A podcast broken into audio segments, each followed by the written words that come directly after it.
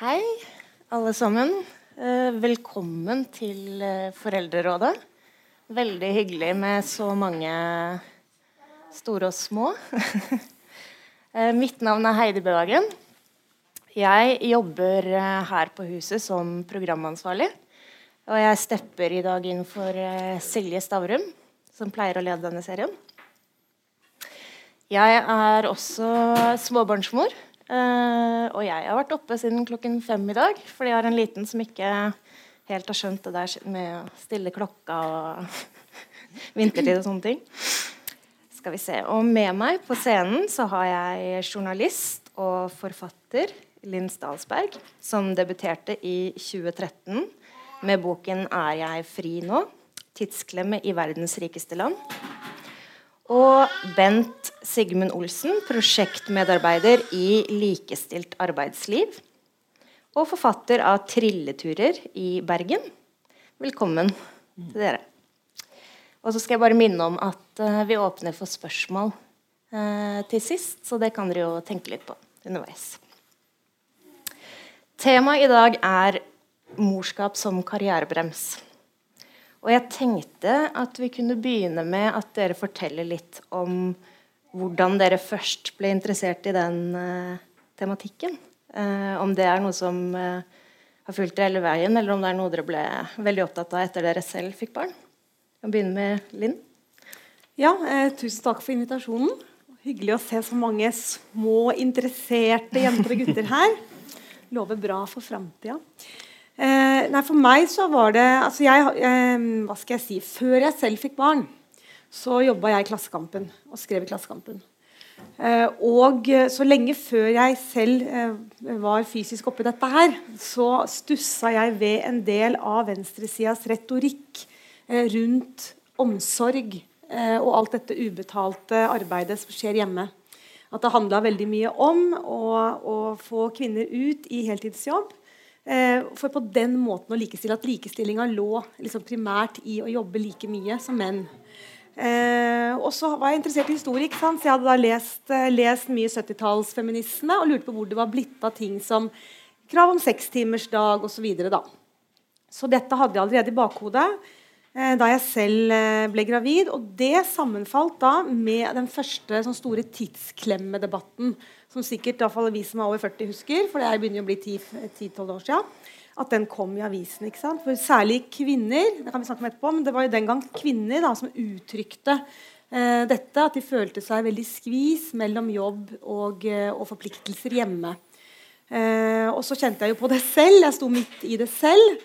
Så da ble jo ting ekstra, liksom sånn, ekstra sterk. da. Men det var, det var en sånn betraktning jeg hadde fra før, kan du si som handla om at jeg syntes eget, uh, brede, min egen brede venstreside hadde mista mye av liksom, systemkritikken. Da. At likestilling plutselig handla mye om å tilpasse seg det samfunnet som allerede var der, uh, fremfor å insistere på uh, endringer i samfunnet som ville lette byrden, særlig til de som ikke har råd til å kjøpe seg ut av klemma.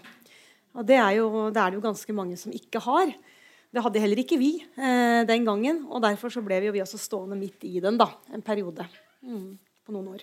Mm.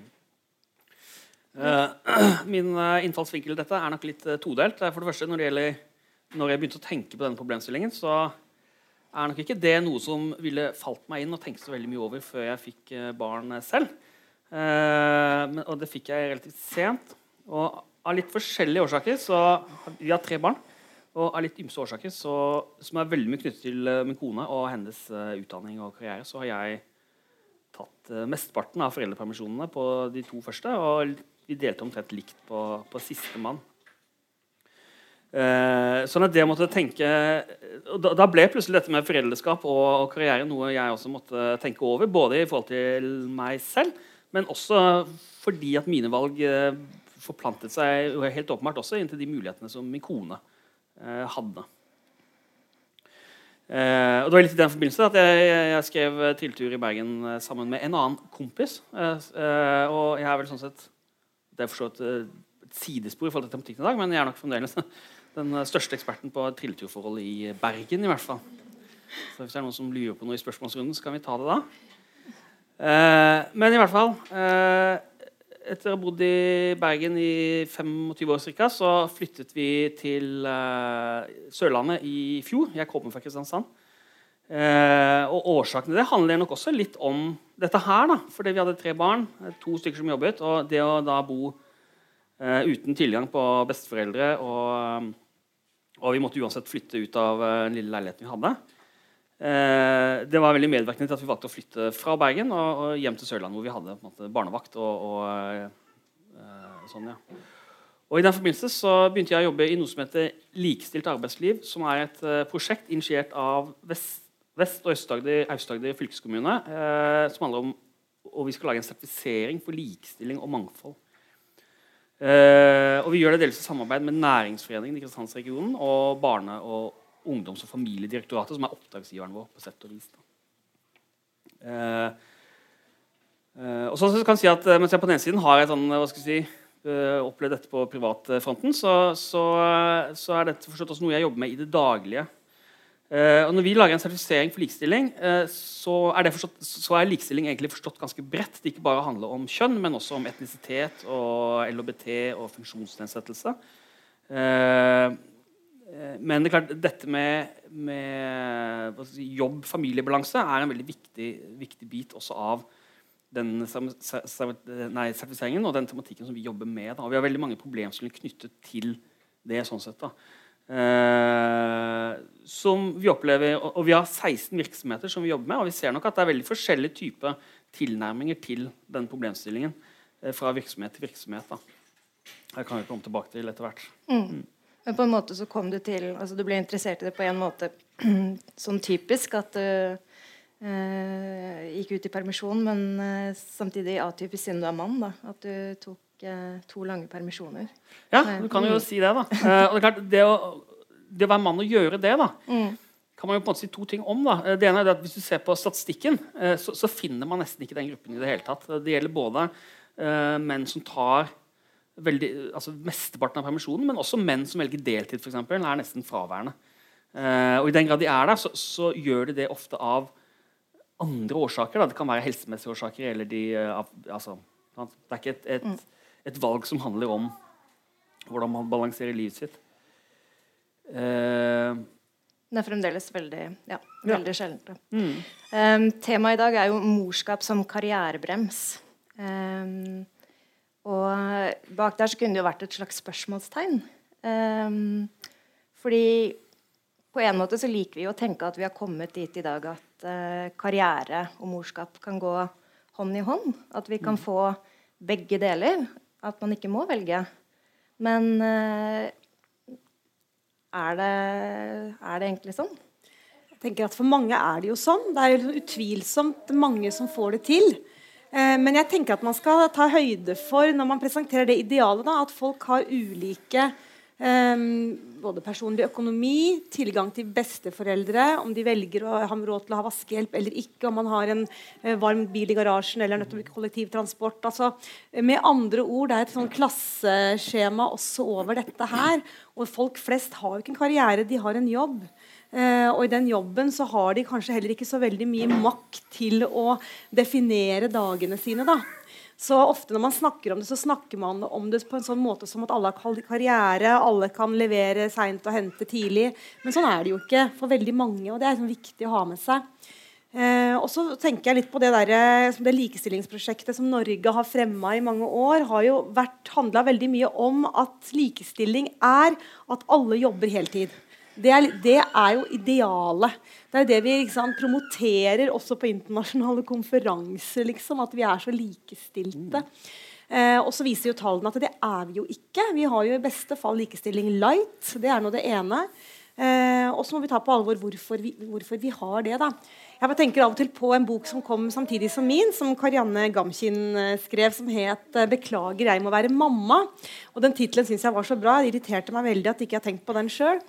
Eh, for det, sånn opplevde hun ikke sant, sin rolle i yrkeslivet. da, At hun hele tiden måtte beklage at hun måtte på helsestasjonen, måtte beklage at noen var syke hjemme. Og Den tror jeg liksom mange damer, og etter hvert selvfølgelig flere og flere menn, eh, har kjent på. da. Så, så, jeg tror at du kan godt fortelle en ung kvinne at ja, du kan komme så langt du vil, du kan jobbe så mye du vil, du kan bli direktør av hva du vil, men det har omkostninger. Eh, du rekker ikke å vaske ditt eget hjem, sannsynligvis. Nei, du må droppe noen skoleavslutninger. Det er ikke du som har vennegruppene. Eh, det er ikke du som, som, som ser at det barn i nabolaget som nylig har skilte foreldre, trenger litt ekstra kjøttkaker den uka. Eh, du kan ikke være den omsorgsfulle nabokjerringa og holde på med alle sånne ting, og samtidig liksom ha det forrykende karrierelivet. Da skal du ha ganske mange besteforeldre og en au pair og en vaskehjelp og to biler osv. for å få det til. Og det må vi være liksom ærlige, ærlige, på. da. Uh, at den kombinasjonen er ikke, i hvert fall ikke for alle, en veldig enkel skuring. Mm. Mm. Hva tenker du? Er det, er det umulig? Ja, altså jeg, jeg, tror nok det er vanskelig altså Når man gjør dette spørsmålet om moderskap karriere, eh, så mm. oppstår det jo umiddelbart et uh, problem. fordi dette er jo en uh, dette er jo også noe som, Det er en far her også. Eh, og det er to arbeidsgivere på en måte også, på sett og vis, som er der i skyggen. da. Men det er nok et problem her at, at mors karrierevalg er blitt sett på som et, et, avhengig av noe som skjer, også avhengig av hva, hva slags tilrettelegging som, som arbeidsgiver for kan gjøre for henne. Sant? Og I Norge i dag så har man veldig gode eh, rettigheter for småbarnsforeldre. i og for seg. Det er foreldrepermisjon og, og det er eh, mulighet for å forlenge permisjon. og sånne ting. Men så lenge far på en måte blir en litt sånn stille partner eh, i, i, eh, det spørsmålet der, så, så, forsvinner en veldig viktig dimensjon bort. Eh, og Hvis du ser på ledere, så er det veldig forskjell på det å være far og leder og det å være mor og leder. Og en, en far som er leder, han, han, vil nok i stor grad oppleve det at han vil ha, altså der vil familien være et bakkemannskap for han. Sant? De er et støtteapparat i karrieren hans. Mens for mødre som er ledere, så er de det ikke. Sant? Uh, men hvis man utvider altså Hvis man ikke bare ser på altså Hvis man tenker at karriere ikke bare handler om, om det å ha, altså klatre en stige, men også handler om mer basale ting, f.eks. det å få seg en jobb, så ser man litt det samme. At det å være ung, nyutdannet kvinne eh, som skal ut i, i, eh, ut, uh, ut i jobbintervjuer, vil nok ha lettere for å oppleve at, at, at, hun får spørsmål knyttet til hennes planer om å bli mor eller ikke. sant? Far, eller altså De unge mennene får det eh, i, my, i, mye mindre grad. Mm. Du skrev jo i BT i dag at eh, det ikke ville vært noen som hadde funnet på å arrangere samtalen farskap og, som karrierebrems, eller farskap og karriere. Ja, nei, det, og du gjetta at det kom til å være ganske bra prosentandel med kvinner ja. i salen. Eh, men, eh, og, og, når vi snakker om det, så merker jeg jo også at far blir en sånn stille mm. partner. Hvorfor er det sånn? Og hvorfor, eh, hvorfor kommer det ikke flere menn? Og hvorfor er det ikke flere menn som tar permisjon? Er det ikke like interessant? Det er et godt spørsmål. I noen grad så handler det nok om at menn kanskje sitter litt menn og menns arbeidsgivere på en måte sitter litt stille i båten. Mm. Uh, uh, og så handler det også kanskje Men det er også kanskje en del sånn kulturelle og sosiale uh, strømninger som, som, også gjør at hva skal si, vi, vi, tar på en måte for gitt at, at dette er mors valg primært. så Hun sier sitt først, og så kan arbeidsgiverne si sitt. Og så tar liksom far de valgene som, som faller ned etter hvert. da men det er nok også en endring her. eh, at, at, Hvis du sammenligner over tid, så vil man nok si at, at far er mye mer til stede eh, i, i, i, det daglige. og Leverer du i barnehage, så ser du for så vidt ganske jevn kjønnsbalanse på hvem som leverer. da. Men det forplanter seg ikke nødvendigvis alltid til statistikken, eller lønnsstatistikken, eller, eller lederstatistikken, eller hjemme sykt barn-statistikken, og kanskje heller ikke til ordskiftet. og Det er muligens et problem. da. Altså jeg tenker at Vi må ta liksom noen eh, skritt tilbake og prøve å liksom vurdere helheten i samfunnet vårt. Og se hvilke verdier som vi holder høyest i vår kultur, i vårt samfunn i dag.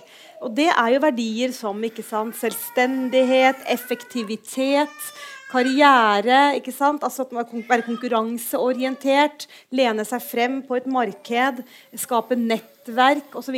Fremfor alt som har med unger å gjøre, som dere rundt her praktiserer. ikke sant? Nå tålmodighet, eh, grenseløs tålmodighet, ikke sant? repetisjon. Eh, altså alle ting som, som eh, solidaritet, det store vi. Eh, ting som ikke harmonerer med liksom, vårt samfunns rådende ideologi. Som Vi, vi, lever jo også i en ideologi. Vi er jo ikke autonome mennesker som tar liksom helt frie valg ut fra det. Og i den ideologien så, så er det, det er liksom to kulturer som slåss mot hverandre. og Vi står liksom i et veikryss. ikke sant? Du har disse unge mennene som kommer, heldigvis, som er, tar omsorgsdelen som en selvfølge, som vil være hjemme, som triller barnevogner, som vasker gulv.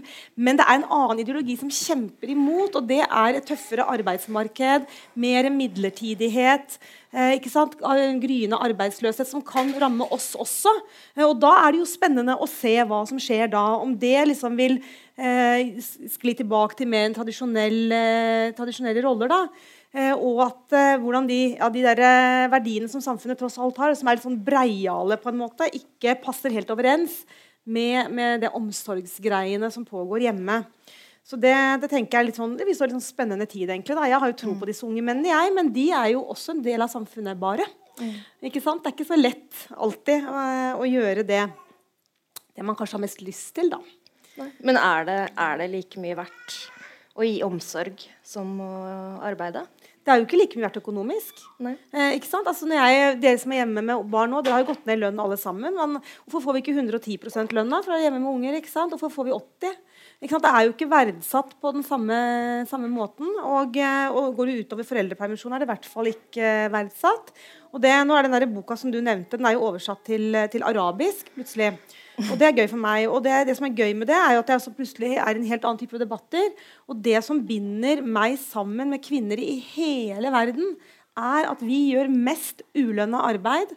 Eh, det gjør jeg, det gjør min nigerianske medsøster og hun i Indonesia. Vi gjør mest ulønna arbeid, mest omsorgsarbeid, og det er ikke verdsatt. Ikke sant? På samme måten. Ikke økonomisk og ikke i forhold til status. I Norge så er det sånn at det gjerne latterliggjøres litt også. Ikke sant? Hvor dum går det an å være å lage 48 julekalenderpakke? Liksom? Burde du ikke heller bruke den tida til å legge inn et ekstra innsats på jobben? Eller, eller den slags. Det, det, blir ofte latterliggjort også, da, de mm. tingene som eh, tradisjonelt kvinner har gjort mest av, og som jeg håper flere menn vil ta del av. Mm. Ritualene, festene, omsorgen, nabokjerringvakta. ikke sant?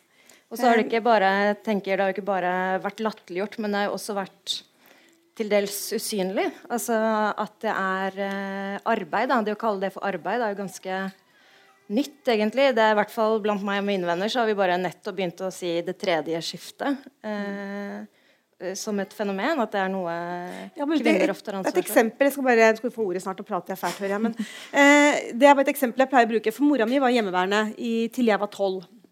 Det var jo vanlig den gangen på 70-80-tallet.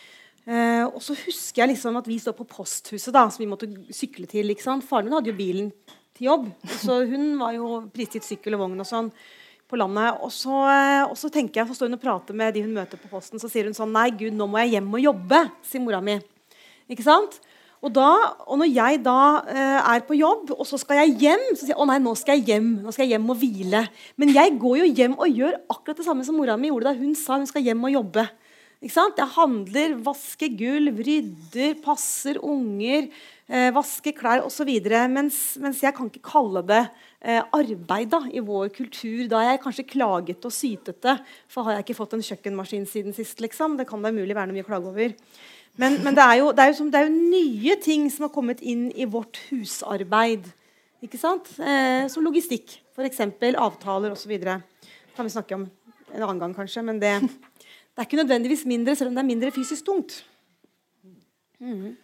Uh, det med arbeid i hjemmet er jo forstått litt interessant. for det, Hvis du ser på 50-60-tallet, som man kanskje med rimelighet kan si er husmor, uh, husmorens gullalder i Norge, så mm Eh, er det ting som er interessant. Det ene, det ene er jo det at Ser du på altså oppvekstskildringer fra den gangen eh, og det, for det, det, leste jeg en del av når vi skrev Trilleboken. Og, og blant annet leste veldig mye sånn oppvekstskildringer fra Landås. Eh, og det de ofte, Når de, når de skrev, beskrev barndommen sin i ettertid, eh, så er det en, en barndom hvor de i, i veldig stor grad er overlatt til seg selv. For det, mor hun er, eh, altså, hun er, på jobb med å vaske og tørke klær og, og, alt det der. da. Og Det er jo kanskje også en sånn faremoment i det ordskiftet her, at, at man, man, snakker om kvinner som har forsvunnet inn i arbeidslivet eh, og bort fra hjemmet.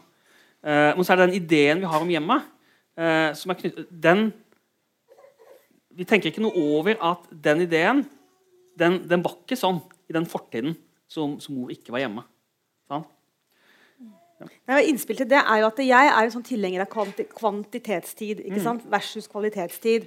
Og Jeg ser jo hvordan, så jeg er ikke helt enig i det, egentlig, for det er faktisk annerledes å leke nede ved bekken og vite at mora di er ti minutter unna hvis du trenger noe, enn å være i barnehage eller skole og vite at mora di en, eller faren din er en time unna på jobb.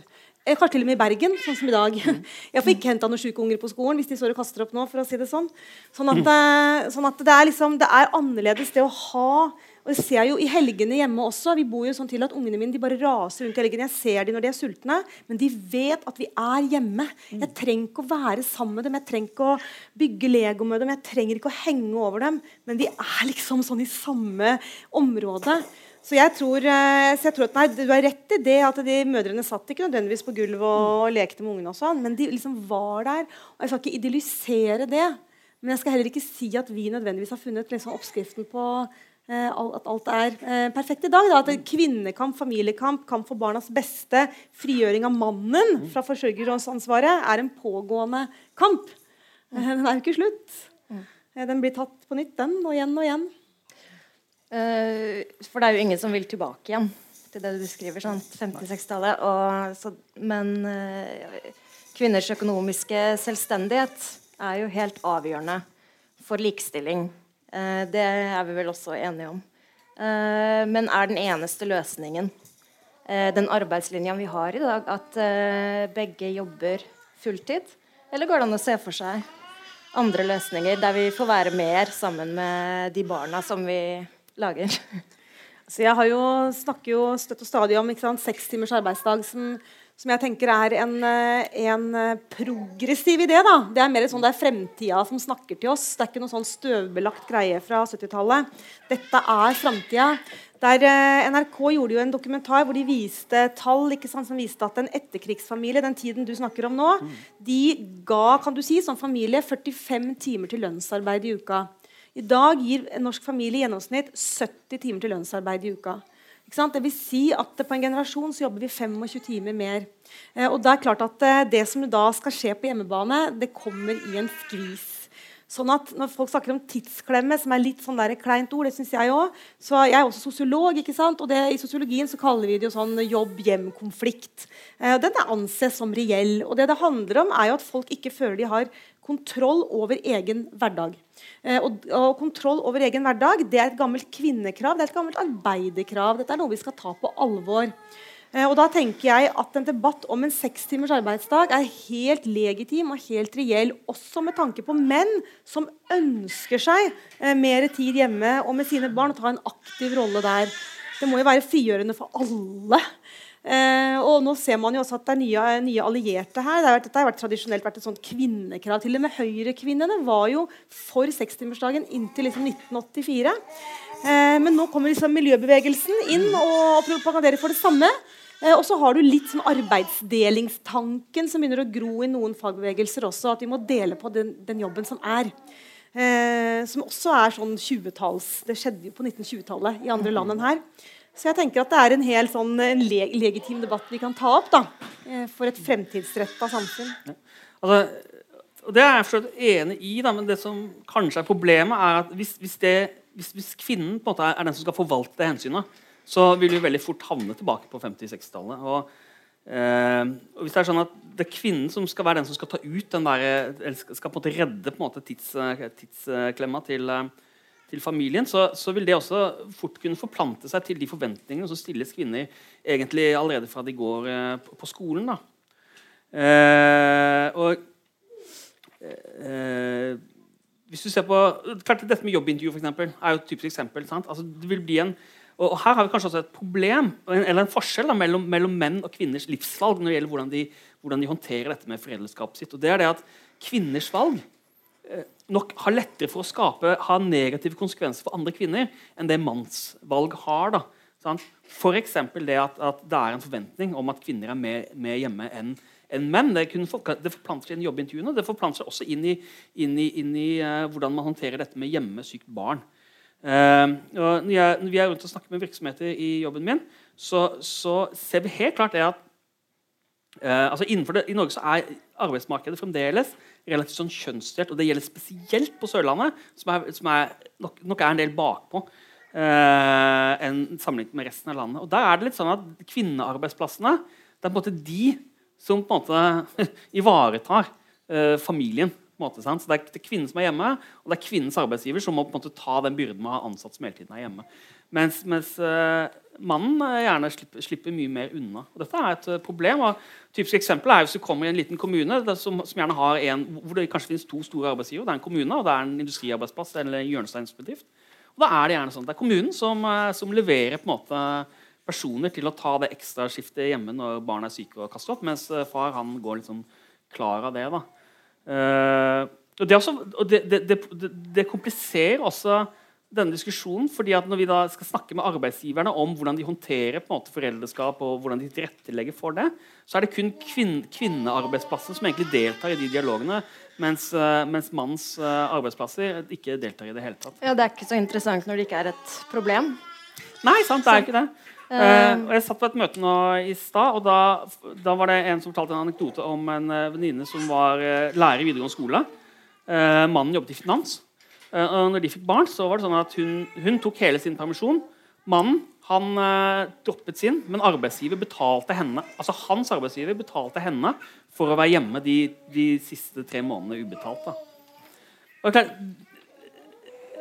det er to ting ved det. da. Det ene er det at mannen på en måte slipper unna. Eh, men det andre er det at hva sier det om, Hvordan, hvordan tror man det er å være kvinne på denne arbeidsplassen? da, altså til mannen? sant? Mm. Men jeg tenker det handler litt om hvordan vi snakker om ting òg. Vi snakker, snakker om at mannen slipper unna, eller at kvinnen taper og sånn. Ja. Så tenker jeg, Men kan man ikke, uten at jeg skal forsvare alle sørlandskvinner, jeg veit ikke hvorfor de velger som de gjør, det snakka vi litt om i stad, det er litt interessant. Men kan man ikke også snu litt på det og tenke at det er mannen som taper her, da? Altså I et livsløp liksom, så går han glipp av tid med barna sine. Og det å være hjemme og kunne vise omsorg for et sykt barn kan jo også være liksom, hyggelig på sin egen spesielle måte. Hvordan, hvordan syke de er. Men altså, mannen, jeg tenker at det, det er noe med at disse kvinnene gir også et, et, hint til oss om at det er noe annet som gjelder. Eh, og som kanskje mannen kanskje han ikke slipper unna. Kanskje han faktisk taper på det. Og Det var en sånn bok om farskap som er skrevet av en svensk forsker som heter Roger Klint, hvor han annet ga et sånt eksempel han sa å være pappa er som å, å være fotballtilhenger. ikke sant? Altså, han mente jo selvfølgelig som mamma, men i dette eksempelet var det en pappa. da. Hvis du bare ser en tilfeldig fotballkamp, så er det ikke så innmari interessant. Eh, men hvis du følger Tippeligaen, og du veit hvem som er innbitt, og du følger et lag, så er det kjempespennende. Og Sånn er det jo med barn òg. Jeg tenker på disse stakkars fedrene på eh, på 50-60-tallet som var innom barnet sitt og aldri ble ordentlig kjent med det. Altså, det er jo ingen som vil ha det sånn i dag. Eh, så da tenker jeg liksom denne løsningen med sekstimersdag er jo kjønnsblind. Det, det, gjelder, det, skal gjelde alle. Og én ting er barn, som sikkert mange av dere er opptatt av nå. Men når, du, når jeg, mine barn som er litt eldre, så skjønner du jo at når de kommer til tenåringstida, så trenger de deg søren meg da òg. Og da trenger de i hvert fall den kvantitetstiden. Og så begynner jo foreldrene å falle fra hverandre i generasjonen over. Og skal jammen meg de ha litt omsorg også. sånn at det, det der med at du, du balanserer omsorg med yrkeslivet, det gjør du nesten i et livsløp. Det er kanskje noen år du er heldig å slippe unna, liksom glade 20-åra f.eks., og så eh, hardner det seg til. Eh, og Da viser jo også forskning at det er da arbeidspresset er tøffest. Da skal du også prestere mest på jobb. ikke mm. sant? Det er jo ingen som jobber så mye som småbarnsforeldre, statistisk sett. Eh, og da, vet man, man, vet ikke hvorfor, men kanskje man skal bevise for seg selv og alle andre at man ikke lar seg stoppe da, av dette myke, varme, deilige, søte som jeg ser. Jeg sliter med konsentrasjonen her. Det er så mye søtt i synet. Eh, som man da ikke, for da, Du begynte jo med å spørre f.eks. endret du deg da du fikk barn. og Så begynte jeg med å si at det gjorde jeg egentlig ikke. og det, det, er sant. Men samtidig så er det sånn, jo, man endrer seg jo også ganske mye når man får barn. Og det er jo også legitimt at verden plutselig så annerledes ut. Uh, og jeg har, altså, Da jeg skrev denne boka, og i de første årene etterpå, så var det et lite vindu i den norske debatten hvor det var lov å si at jeg får det ikke til. Jeg er sliten hele tiden. Jeg har dårlig samvittighet. Jeg veit ikke om barnet mitt har det bra i barnehagen. Mm. Syns han virker sliten. Det var en sånn liten glippe. Og så har det lukka seg litt igjen. Uh, og jeg har de siste to-tre ukene fått tre e-poster fra tre veldig fremtredende feminister som alle dere kjenner, og som har til, uh, og som har fått barn, og som sier 'nå skjønner jeg hva du snakker om'. Jeg kan ikke skrive kronikk om det. Jeg kan ikke si det høyt. Og så blir jeg sånn Hvorfor ikke? Hvorfor kan ikke du det? Uh, av alle, liksom. Og så tenker jeg hva er det som har lukka seg? Hvorfor kan man ikke plutselig, hvorfor kan man ikke si det lenger? At jeg er så sliten, ting var ikke som jeg forestilte meg. Jeg vil ned i deltidsprosent, jeg tør ikke å si det til sjefen. Og det tenker jeg, og da lurer jeg på om det er noe med at det er, noe, det er mange myter da, i vårt land. Eh, myten om likestilling for eksempel, hindrer oss fra å ha en reell debatt om at vi er heller ikke likestilte.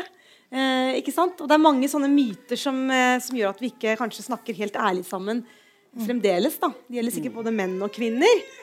Jeg tenker jo også at det er en del menn som kanskje ønsker seg noe annet også enn et karriereløp. Ja, altså, Der er du nok inne på noe. Det, det er nok en god, god observasjon der at vi må slutte å snakke om at uh, slipper unna. eller det er litt uheldig. Og mm. det med at menn taper, uh, er nok et, et, et, aspekt her. da, og, uh, og, det, og, det, handler også ikke bare om likestilling, men, men, også om hva som skjer i arbeidslivet. hvordan det endrer seg. Og, og arbeidslivet i dag har ikke lenger den, der, den der forutsigbarheten ved seg som, som, det hadde i sin tid. Så Når mine foreldre for eksempel, velger at mor min mor er hjemme, hun er sykepleier, og min far er ingeniør, så han jobber fulltid og, og, gjør det mens vi er små, da, så er det noe som for den generasjonen veldig ofte vil fungere ganske fint. For det far eller menn den gangen, ja, den generasjonen de hadde en relativt forutsigbar arbeidssituasjon, hvor de stort sett hadde en, en arbeidsgiver som de beholdt gjennom hele sitt livsløp. da. Mm. Uh, i, i, dag så er det en, for eksempel, en krise i oljenæringen som, nok, som, som, gjør at veldig mange av disse mennene her, da, hadde mine foreldre for eksempel, tatt det valget i dag, så, så hadde det vært, straks vært mye mer kinkig. Uh, I det øyeblikket jobben forsvinner, så står man plutselig på, på ett ben. Da, og, og, det det, og, det har både en sånn følelse at mannens måte, lojalitetsbånd inn mot arbeidslivet har endret seg. Det er nå en, en illojal partner. Sant? Der det kanskje har vært større grad av lojalitet tidligere. Mm. Og så er det det at Ved å velge på den måten så eksponerer du deg selv og familien for en betydelig risiko som ikke var der tidligere. Mm. Eh, ser du på arbeidsgiversiden, eh, så kan du se på så er det også det problemet at spesielt hvis du innenfor altså, altså de, de, yrkene som, som, altså høyt, som krever høytutdannede, så er majoriteten av høytutdannede i dag er kvinner. Uh, og de arbeidsgiverne eller bransjer som ikke er flinke til å håndtere hva skal jeg si, for noe, si, kvinners måte, karrierebehov, også knyttet til, til, dette med, også knyttet til dette med å kunne ivareta uh, si, familieforpliktelsene sine, uh, vil kanskje tape. Sant? Og Hvis vi ser på statistikken over høytutdannede, så er det sånn at selv på bank og finans, for eksempel, som, som, tradisjonelt sett er sånn mannevirksomheter, så har de en veldig lav kjønnsbalanse, veldig lav kjønns, altså andel kvinner sammenlignet for med, med samfunnsvitenskap og medisin og, ta, og tannlege. Uh, og En måte å lese dette på er at det skjer en hjerneflukt bort fra de, de bransjene som er lite flinke til å ivareta si, kvinner, altså kvinners sånn livsløpsbehov. Da, uh, og og, og, Det som kanskje er et sånn skrekkscenario her, da, altså igjen, hvis man ser det fra arbeidsgivers side, er muligens det som skjer med, med fastlegeordningen nå. Da. For Der har du en ordning som nok har vært tuftet på en, en idé om en lege som primært er en mann, som har et, et, en, en, familie som, som på en måte organiserer seg selv, eller som er gift med en, sykepleier, som, som, er hjemme. og alt det Så han slipper å tenke på det. Kan jobbe jævlig mye. Da. Sånn er det ikke lenger. Sant? 70% nyutdannede er kvinner. De stiller helt andre krav til hva de forventer av arbeidsgiveren sin. Eh, og også de mennene eh, har nok også helt andre ideer enn en, det mennene hadde for, for, eh, for bare for 10-20-15 år siden. Da. Og Dermed så blir det å fylle disse stillingene plutselig veldig vanskelig. Sant? Men da, og da tenker du at det er med å trekke det i riktig retning? da? At flere arbeidsgivere vil ønske å tilrettelegge for familie for å konkurrere om eh, arbeidskraft? På en måte kan du si det sånn at, at Eller hva skal du si det, det, er jo det man kan håpe på. da. Mm. Men, men, hvis ikke, så, så vil altså, det vil være en kostnad for de som ikke er det. Altså det tenker jeg er litt sånn Seeing is believing. Altså. for det, Trenden i arbeidslivet med unntak av det offentlige, mm.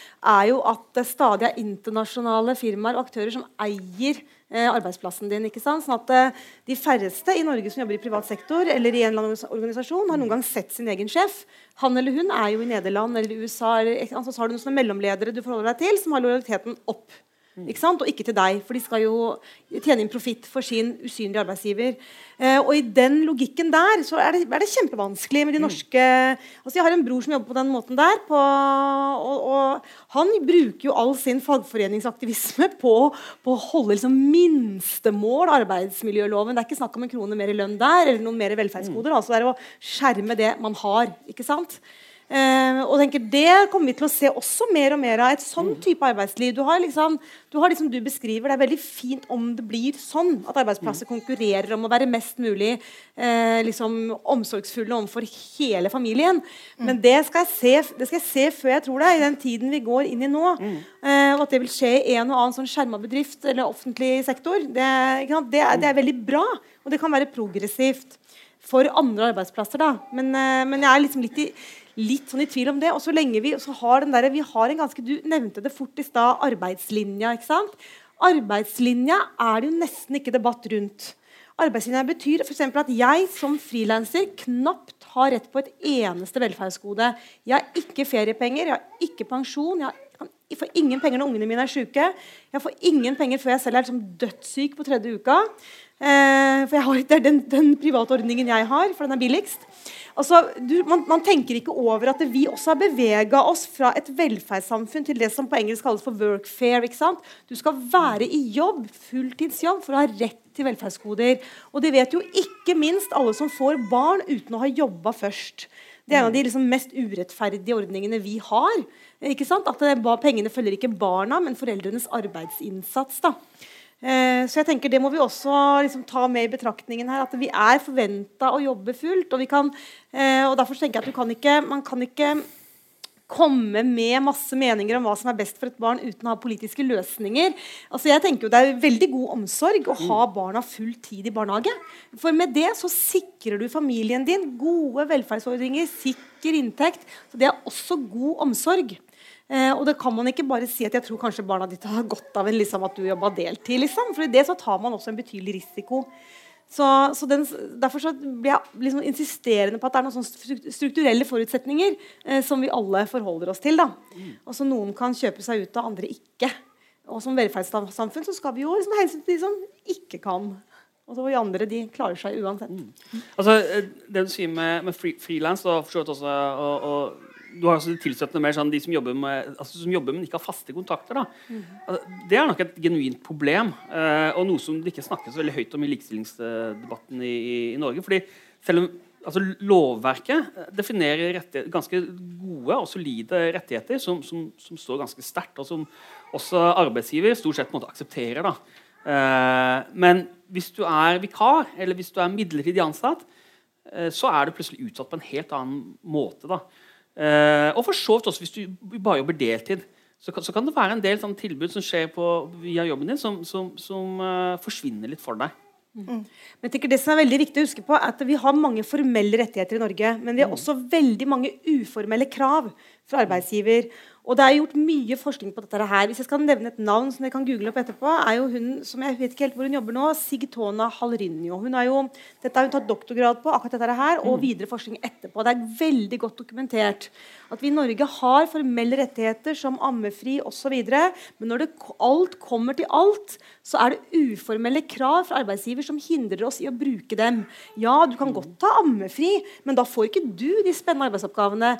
Eller du kan godt ta en velferdspermisjon som du har krav på, men da er det ikke du som får reise. Eller, eh, og, så, og, så, kjenner du liksom på Og det kanskje, det viser hun også, da, mm. at de som jekker seg etter dette her, er kvinner.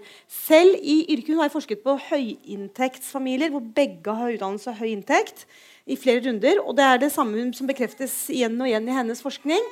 Kvinnene jekker strekker seg. ikke sant? Det er de som, Og til og med mennene bekrefter jo at ja, det gjør kvinner. Mm. Det er de som plutselig jobber deltid, og plutselig tar julefeiringa, tar bursdag osv.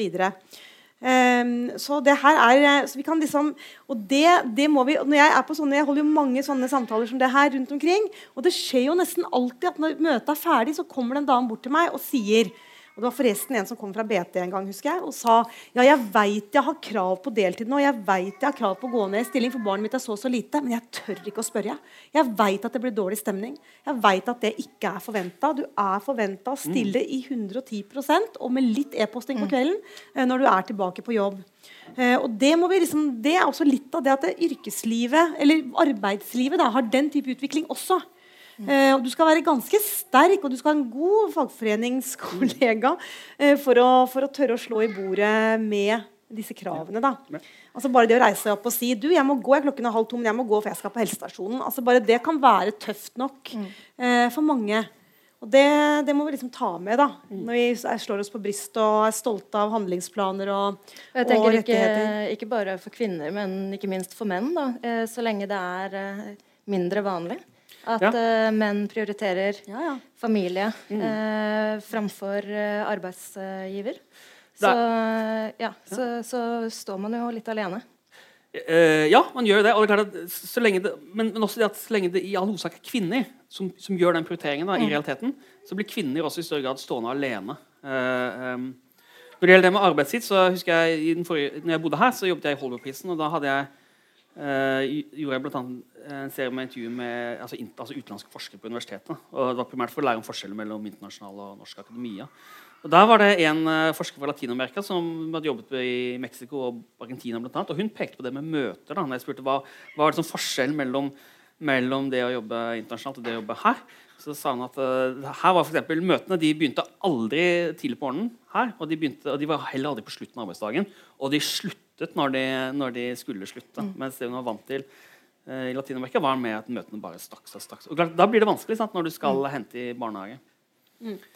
I Latin-Amerika har man jo ofte nannies og vaskehjelp. Altså, det er liksom, det er, det er sånn annen, det er sånn i Sør-Europa også. ikke sant? Det er en helt annen logikk. da. Altså, kvinner som har karriere i andre land, de har jo ja, de har jo på en måte husmora hjemme, som ja. Eh, mennene har hatt før. Bare at husmora heter et eller annet og kommer fra sørligere strøk. Mm.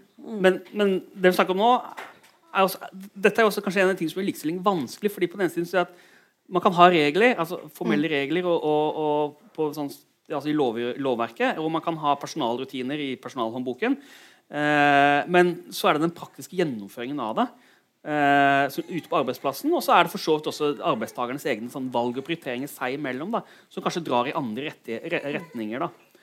Eh, og det er på mange måter en, en nøtt. Da, sant? Men hva tror dere om uh, altså, de som uh, ser for seg at vi bare deler alle ulempene på midten? Og så blir det, Hvis man f.eks. har en tvunget todeling av permisjonen, så, så, blir det like kjedelig å ansette en mann som en kvinne. holdt jeg på å si. Eh, hva tenker dere om det? Nei, jeg tenker, det syns jeg, er skikkelig dårlig forslag. Um, det, det, kunne jeg snakke om en time til, så ikke gjøre. Men jeg synes det er et kjempedårlig forslag fordi at det, det tar ikke, ikke altså, i, akkurat når det gjelder fødsel og graviditet eh, og amming, så er kjønnene veldig ulike.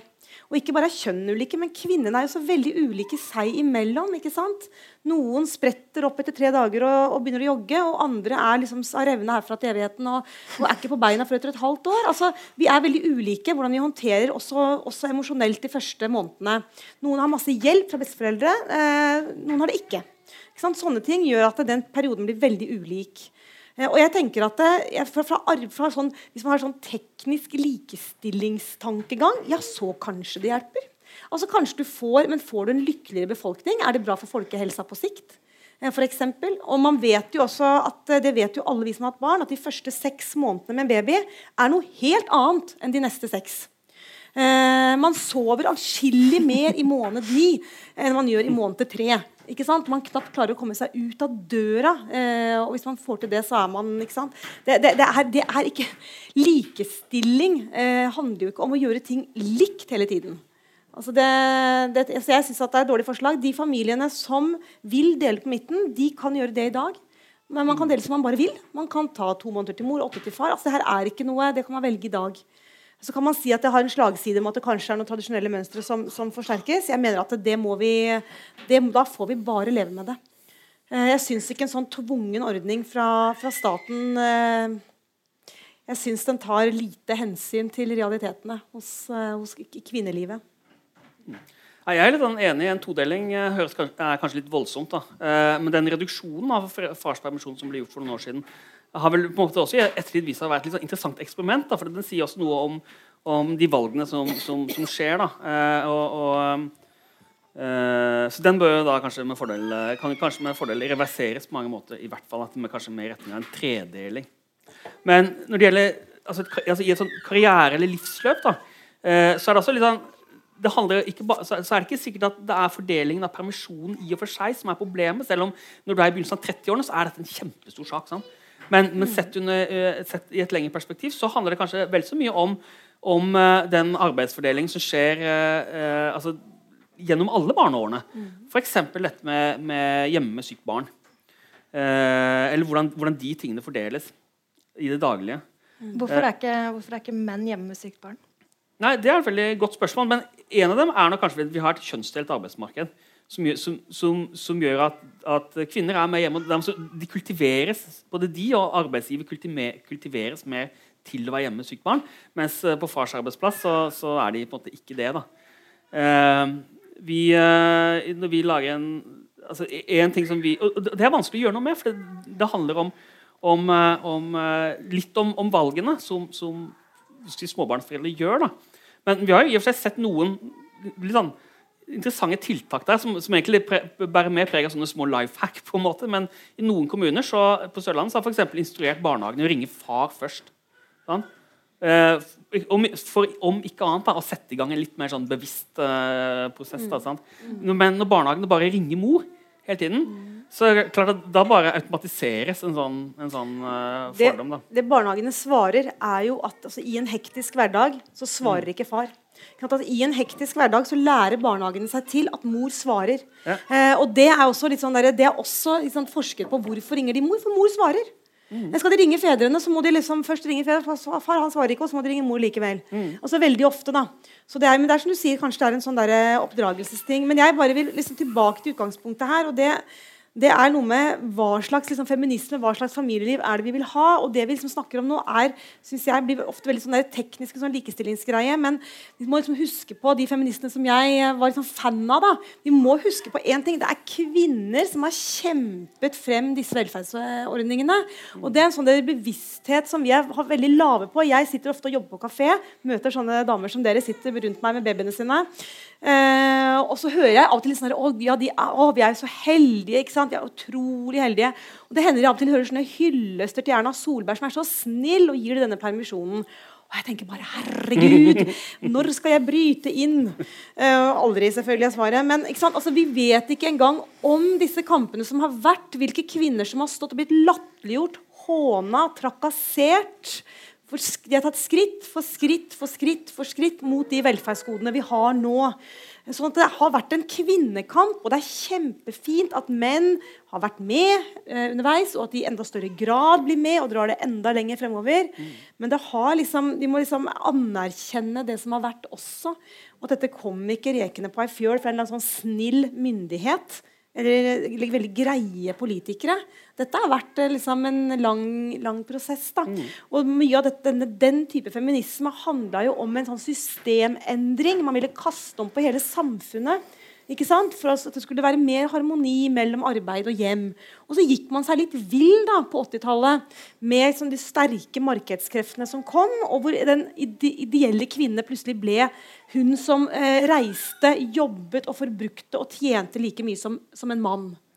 Eh, og så kan man reflektere nå på at det kanskje ikke var så heldig verken for miljøet eller naturen. eller noen, Men, men så, sånn ble det liksom en periode. da, Og vi lever liksom litt i den logikken. Så li, Likestilling var i mange år et litt sånn reaksjonært begrep som kom fra høyresida. Altså eh, og så ble det inkorporert i en sånn mainstream-feminisme. Og og det, tenker jeg henger litt sammen med når vi diskuterer dette med todeling av permisjon også. Eller kvinner i militæret. Er dette her egentlig et fremskritt? Nå ser jeg eh, at vi begynner å nærme oss uh, tiden for å åpne for spørsmål. Jeg bare tenkte jeg skulle avslutte med å spørre om dere liksom har én sånn uh, fanesak. Det høres ut som du ønsker en, egentlig en revolusjon, revolusjon, av hvordan vi tenker altså Hvis uh, om arbeidsliv og omsorg. arbeidsdag er en revolusjon, ja. så er det helt greit for meg. Vi kan ja. godt kalle det det.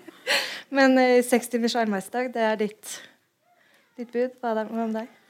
Uh, altså jeg, jeg, jobber jo med en sertifisering, da. Og på en måte, vi er på en måte den litt sånn kjedelige løsningen på dette her, da. Altså, som handler veldig mye om personalrutiner og og alle de små, små justeringene nedover. Og sånn sett kan si at For å si det litt flåsete kan du si at vi er kvinnekampens litt sånn nerdete, teknokratiske baktropp. da, eh, som, som, ikke vil nødvendigvis medføre noen revolusjon, men, men, vi vil kanskje forhåpentligvis kunne, kunne eh, hva skal vi si, hardkoda en del sånne prinsipper ned i måten virksomheten, og kanskje også de, de sjefene som småbarnsforeldre i dette, tilfellet da, møter når de ja, skal lytte permisjon. eller et eller annet. Uh, men det, det, vi ikke har snakket om her i dag, og det er jo et aspekt for arbeidslinjen, da, er jo kanskje det at, at foreldrepermisjonen er veldig knyttet opp mot, uh, mot uh, lønnsinntekt. Mm. og Det er nok et, kanskje et problem her. Da, at, at, du må være i jobb for, for at disse rettighetene skal, skal utløses. Da. Og Det gjør jo både at, er jo kanskje også medvirkende at vi får barn sent. Men det betyr også at veldig mange får barn på et tidspunkt hvor de er i starten av karrieren sin. Da, der de heller kanskje kunne fått barn mens de var i, i, i studier. Så Det er jo kanskje også noe man må se på på et eller annet tidspunkt. Mm. Takk. Eh, da tenkte jeg vi kunne åpne opp for uh, spørsmål. Ja.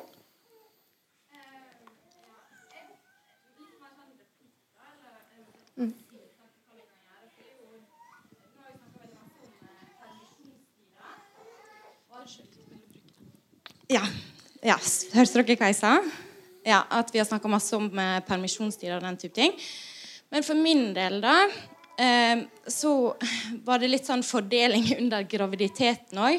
For det er jo tross alt jeg som er morgenkvalm. Det er jeg som spyr.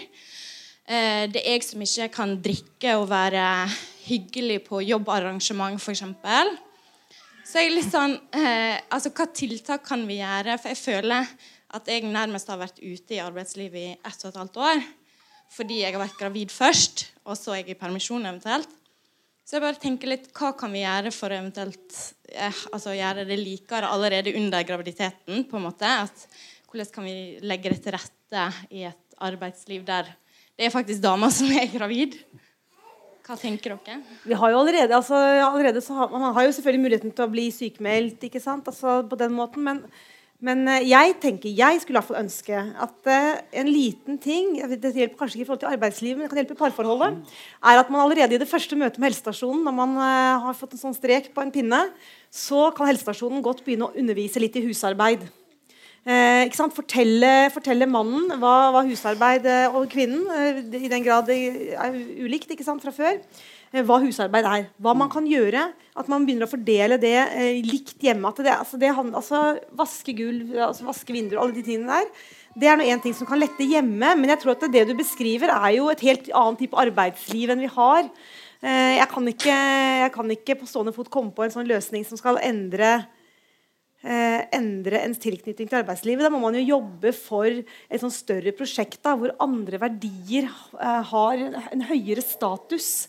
Eh, at arbeidsgiver at det at, at, arbeidstaker er noe annet enn en som yter 100% hver dag. Eh, at det må, det, det må, en sånn holdningsendring til. At vi er hele mennesker. Jeg pleier å si sånn Om du jobber 40 eller 60 eller 80% så lever vi 100% liv. Eh, og Det kan være at du er gravid og har det vanskelig noen måneder. En annen går gjennom en skilsmisse og, har, og klarer ikke å være til stede mentalt da heller. Altså, vi, har, vi er jo hele mennesker gjennom hele livet. Eh, og det tenker jeg at eh, jeg ønsker meg et arbeidsliv som tar mer høyde for det. da, At vi ikke er noen sånne maskinelle roboter som alltid er på, liksom. Mm. Altså, eh, i, i, hvert fall Hvis spørsmålet er knyttet til det å være gravid mens du er i jobb, da, eh, så, så, er det jo noen eh, tiltak som, som, eh, som, kan settes i sving. Altså, for det første, i, i Veldig mange virksomheter har, har signert en såkalt inkluderende arbeidslivavtale. og Det er, det er et sånn trepartssamarbeid som det heter, mellom arbeidsgiver, arbeidsgiversiden, arbeidstakersiden og staten. Eh, og Det er egentlig myntet på å få ned sykefravær. Eh, men det er også et fora er, som, som også, også, egner seg godt til å diskutere på en måte, denne type problemstillinger. Da. Hva gjør vi med ansatte som blir gravide? Eh, og En del større virksomheter, jeg vet fylkeskommunen i Vest-Agder, hvor vi har kontor, de har en egen jordmor som har sånne jordmorsamtaler eh, med, med altså, ansatte som blir gravide. Eh, og hvor de på en måte avklarer hvordan, måte, hva kan vi gjøre for å lette på en måte byrden, så at du kan jobbe lenger. da. For Det er også et problem i en del virksomheter at, at ansatte går ut altså, i hvert fall én virksomhet som vi jobbet med. Der, der hadde det i enkelte steder, enkelte steder, av virksomheten som hadde veldig mange kvinnelige ansatte, oppstått en, en, sånn forventning om at de skulle bli sykemeldt eh, tidlig. Så, så de, Der forsvant de gravide ut veldig tidlig. og Da, det, da ble bedriftshelsetjenesten og de kalte, de kalte, også inn fastlegen i bygda på sånne samtaler da, for å få de til å ja. Mm. Ja.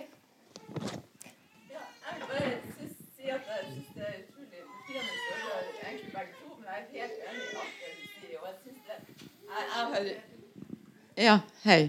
Um, ja, jeg sier at jeg syns det er veldig befriende å høre det som blir sagt her nå. Og jeg sjøl har tenåringsbarn hjemme og jeg opplevde at Jeg, var, jeg har jobba frilanser i veldig, veldig mange år og, og var frilanser da jeg ble gravid. Um, og mens mannen min hadde fast jobb. Og jeg nølte ikke med å være hjemme med mine barn. Uh, det var i den perioden det var veldig lite barnehageplass i Bergen, og vi fikk kontantstøtte. Eh, og mine barn var, fikk ikke fast eh, plass i barnehage, for de var tre og fire år gamle. Og jeg nøyt å være laget med, med ungene mine. Eh, og, og angra ikke på det. Men jeg opplevde at når jeg fortalte om det til mine nære venninner, så fikk jeg den tilbake eh, om at sånn går det ikke an å oppføre seg. altså Nå svikter jeg liksom kvinnesaken og likestillinga. Og det ble jeg helt sånn satt ut av. Og jeg skrev en kronikk i, i BT om eh, barneoppdragelse og tid med barn. Og, eh, og har liksom alltid assosiert meg med venstresida i politikken. Og fikk reaksjoner fra hele fjøla. Men eh, jeg var overraska over hvor mange konservative eh, Eller, eller skal jeg si eh, eh, Høyrefolk og, og kristne konservative som også applauderte det jeg sa. Og så ble jeg litt sånn satt ut. fordi at det er nesten som man liksom ikke tør å delta i diskusjonen fordi at man, man, blir redd for å bli misforstått eller bli plassert i en sammenheng hvor man ikke eh, føler seg hjemme. Så jeg synes Det er kjempedeilig at du sitter her og sier dette. Og Du gikk veldig sånn hardt ut og fortalte om Klassekampen i starten. Og det var kanskje lurt, men jeg skulle ønske at det ikke var nødvendig. Jeg skulle ønske at man kan diskutere de her tingene uten at man liksom går rett inn i en eller annen sånn svær boks, og så, og så får man litt sånn munnbind. altså. Mm. Så kjempe Og jeg, sekstimersdag er helt, helt med på. Mm. Det tror jeg virkelig vil løse masse. Og det at vi begynner å snakke opp om det å arbeide hjemme, og det å vise omsorg hjemme, mm. og, og, at det gjelder både menn og kvinner, tror jeg er kjempeviktig. Eh, ja, jeg har et par kommentarer. Det ene er litt i forlengelsen av det du sier. fordi Jeg er uttalt feminist og jobber mye med kvinnepolitikk. Og jeg synes Det er som bemerkelsesverdig hvordan feminister er sånn dobbeltmoralistiske, syns jeg eh, opplever det. Fordi at eh, Det er jo helt i vrangstrupen hvis en snakker om å ha noen skal i en vaskehjem hos deg. Nei, det skal man ikke ha. Eh, man skal vaske driten sin sjøl. Det er sånn typisk feministting å si. Eh, når jeg fikk barn, så var det sånn eh, Ja, men eh, det forventes liksom at jeg kan strikke og sy. Så sier jeg men hallo, jeg driter 100 0 i det. Jeg kommer aldri til å lære meg det. Men feminister sitter og tenker at det skal jeg lære meg. Eh, så Det er den ene tingen jeg er helt enig i. Det er, liksom, det er en del ting som ikke er lov å, å diskutere. Hvis du er feminist, så, så mener du disse tingene. Eh, og det andre var litt i forhold til det du sa. fordi Du, du var jo inne på dette med et mer usikkert arbeidsmarked. Eh, og der tenker jeg, jeg jeg har jobbet med 8. mars i flere år i Bergen. og I den forbindelse kom jeg i kontakt med en som var med å jobbe med det, som jobbet i Amathea. Som rådgir de som er usikre på om de skal beholde de gravide og de er usikre på om de skal beholde barnet. Og De så en klar sammenheng ganske kort tid etter den endringen i arbeidsmiljøet kom. At det kom flere og var usikre på om de skulle beholde barnet, for de hadde ikke fast jobb. Og det var så usikkert i forhold til framtid og arbeid og inntekt. Og det er jo forferdelig trist at en endring av arbeidsmiljøloven skal gjøre at folk i større grad tar abort. Mm. Bare, ja.